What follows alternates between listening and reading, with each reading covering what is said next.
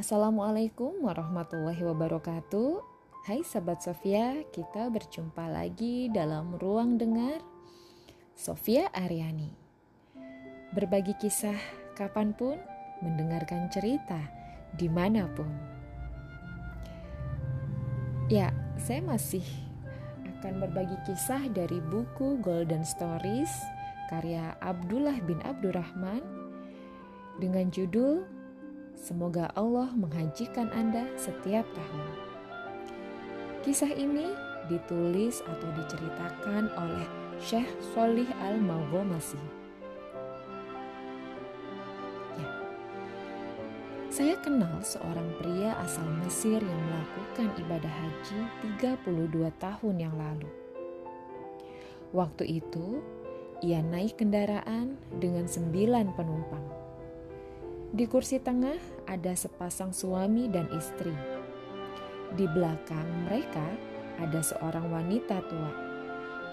Karena tempat duduk belakang cukup sesak, nenek itu pun merasa tidak nyaman. Ditambah lagi tubuhnya sudah rentak. Kemudian pria tersebut mencoba meyakinkan si suami untuk bertukar tempat duduk ke belakang dengan sang nenek tadi. Tapi dia menolak. Namun, pria Mesir tersebut terus meyakinkan sampai akhirnya si suami tersebut mau. Si suami akhirnya pindah ke kursi belakang dan sang nenek pun mau maju ke kursi depan. Nenek itu pun bisa merasa nyaman dan mampu menyelonjorkan kakinya dan dia berkata kepada pria Mesir tersebut, Semoga Allah menghajikan engkau setiap tahun. Dan kini pria tersebut terus melakukan haji sampai sekarang. Saya sudah mengenalnya selama 32 tahun. Dia pun sudah berhaji 32 kali sejak didoakan kala itu.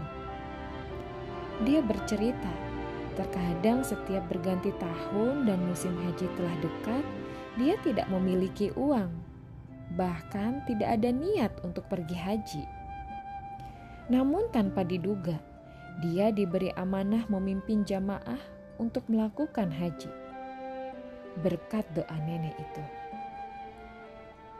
Masya Allah, ya, hal ini pernah dikatakan oleh Ali radhiyallahu anhu yang beliau berkata, Allah telah menyembunyikan dua hal dalam dua hal. Dia menyembunyikan ridhonya dalam perbuatan baik, sehingga kita tidak tahu mana perbuatan baik yang Allah ridho. Dan dia menyembunyikan walinya di antara hamba-hambanya, sehingga seseorang tidak tahu mana hamba Allah yang juga walinya. Intinya, lakukanlah perbuatan baik dengan ketulusan untuk mengharap ridha Allah.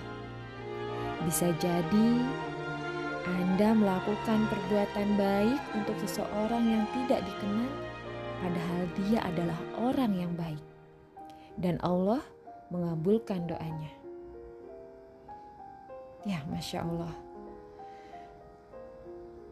Semoga kita bisa menjadi orang-orang yang tulus dengan niat karena Allah ketika berbuat baik kepada orang lain.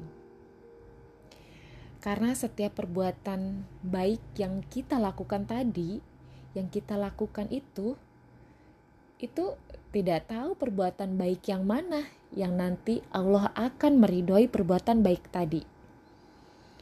Dan Allah pasti akan memilih siapa wali yang akan mengabulkan doa untuk kita.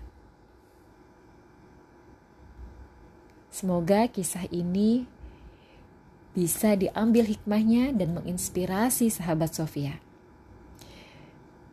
Ya, sekian dulu dari saya. Semoga bermanfaat. Wassalamualaikum warahmatullahi wabarakatuh.